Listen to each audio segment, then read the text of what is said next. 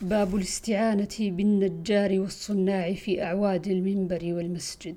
عن سهل قال بعث رسول الله صلى الله عليه وسلم إلى امرأة أن مري غلامك النجار يعمل لي أعوادا أجلس أجلس عليهن. وعن جابر أن امرأة قالت يا رسول الله ألا أجعل لك شيئا تقعد عليه؟ فإن لي غلاما نجارا. قال إن شئت فعملت المنبر. باب من بنى مسجدا. عن عبيد الله الخولاني أنه سمع عثمان بن عفان رضي الله عنه يقول عند قول الناس فيه حين بنى مسجد رسول مسجد الرسول صلى الله عليه وسلم إنكم أكثرتم وإني سمعت النبي صلى الله عليه وسلم يقول من بنى مسجدا قال بكير حسبت أنه قال يبتغي به وجه الله بنى الله له مثله في الجنة. باب يأخذ بنصول النبل إذا مر في المسجد. عن جابر بن عبد الله قال مر رجل في المسجد ومعه سهام فقال له رسول الله صلى الله عليه وسلم أمسك بنصالها. باب المرور في المسجد.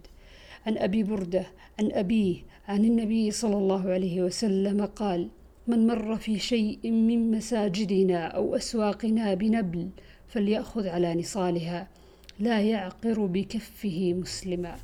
باب الشعر في المسجد. عن أبي سلمة بن عبد الرحمن بن عن أبي سلمة بن عبد الرحمن بن عوف أنه سمع حسان بن ثابت الأنصاري يستشهد أبا هريرة أنشدك الله. هل سمعت النبي صلى الله عليه وسلم يقول يا حسان أجب عن رسول الله صلى الله عليه وسلم اللهم أيده بروح القدس. قال أبو هريرة. نعم. باب أصحاب الحراب في المسجد. عن عائشة رضي الله عنها قالت لقد رأيت رسول الله صلى الله عليه وسلم يوما على باب حجرتي والحبشة يلعبون في المسجد. ورسول الله صلى الله عليه وسلم يسترني بردائه أنظر إلى لعبهم. وعنها رضي الله عنها أنها قالت رأيت النبي صلى الله عليه وسلم والحبشة يلعبون بحرابهم. باب ذكر البيع والشراء على المنبر في المسجد. عن عائشة رضي الله عنها قالت أتتها بريرة تسألها في كتابتها فقالت إن شئت أعطيت أهلك ويكون الولاء لي. وقال أهلها إن شئت أعطيتها ما بقي. وقال سفيان مرة إن شئت أعتقتها ويكون الولاء لنا. فلما جاء رسول الله صلى الله عليه وسلم ذكرته ذلك.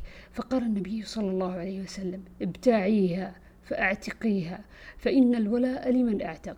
ثم قام رسول الله صلى الله عليه وسلم على المنبر وقال سفيان مرة فصعد رسول الله صلى الله عليه وسلم على المنبر فقال ما بال أقوام يشترطون شروطا ليس في كتاب الله. من اشترط شرطا ليس في كتاب الله فليس له وإن اشترط مئة مرة.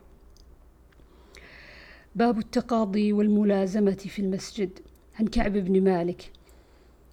أنه تقاضى ابن أبي حدرد دينا كان له عليه في المسجد فارتفعت أصواتهما حتى سمعهما رسول الله صلى الله عليه وسلم وهو في بيته فخرج إليهما حتى كشف سجف حجرته فنادى يا كعب قال لبيك يا رسول الله فقال ضع من دينك هذا وأومأ إليه أي الشطر قال لقد فعلت يا رسول الله. قال قم فقده باب كنس المسجد والتقاط الخرق والقذى والعيدان. عن أبي هريرة أن رجلا أسود أو امرأة سوداء كان يقم المسجد فمات. فسأل النبي صلى الله عليه وسلم عنه فقالوا مات. قال أفلا كنتم آذنتموني به؟ دلوني على قبره. أو قال على قبرها فأتى قبره فصلى عليها. باب تحريم تجارة الخمر في المسجد. عن عائشة رضي الله عنها قالت لما أنزلت الآيات في سورة البقرة في الربا خرج النبي صلى الله عليه وسلم إلى المسجد فقرأهن على الناس ثم حرم تجارة الخمر. باب الخدم للمسجد. قال ابن عباس نذرت لك ما في بطني محررا للمسجد يخدمه. عن أبي هريرة أن امرأة أو رجلا كان يقوم المسجد ولا أراه ولا أراه إلا امرأة. فذكر حديث النبي صلى الله عليه وسلم أنه صلى على قبره.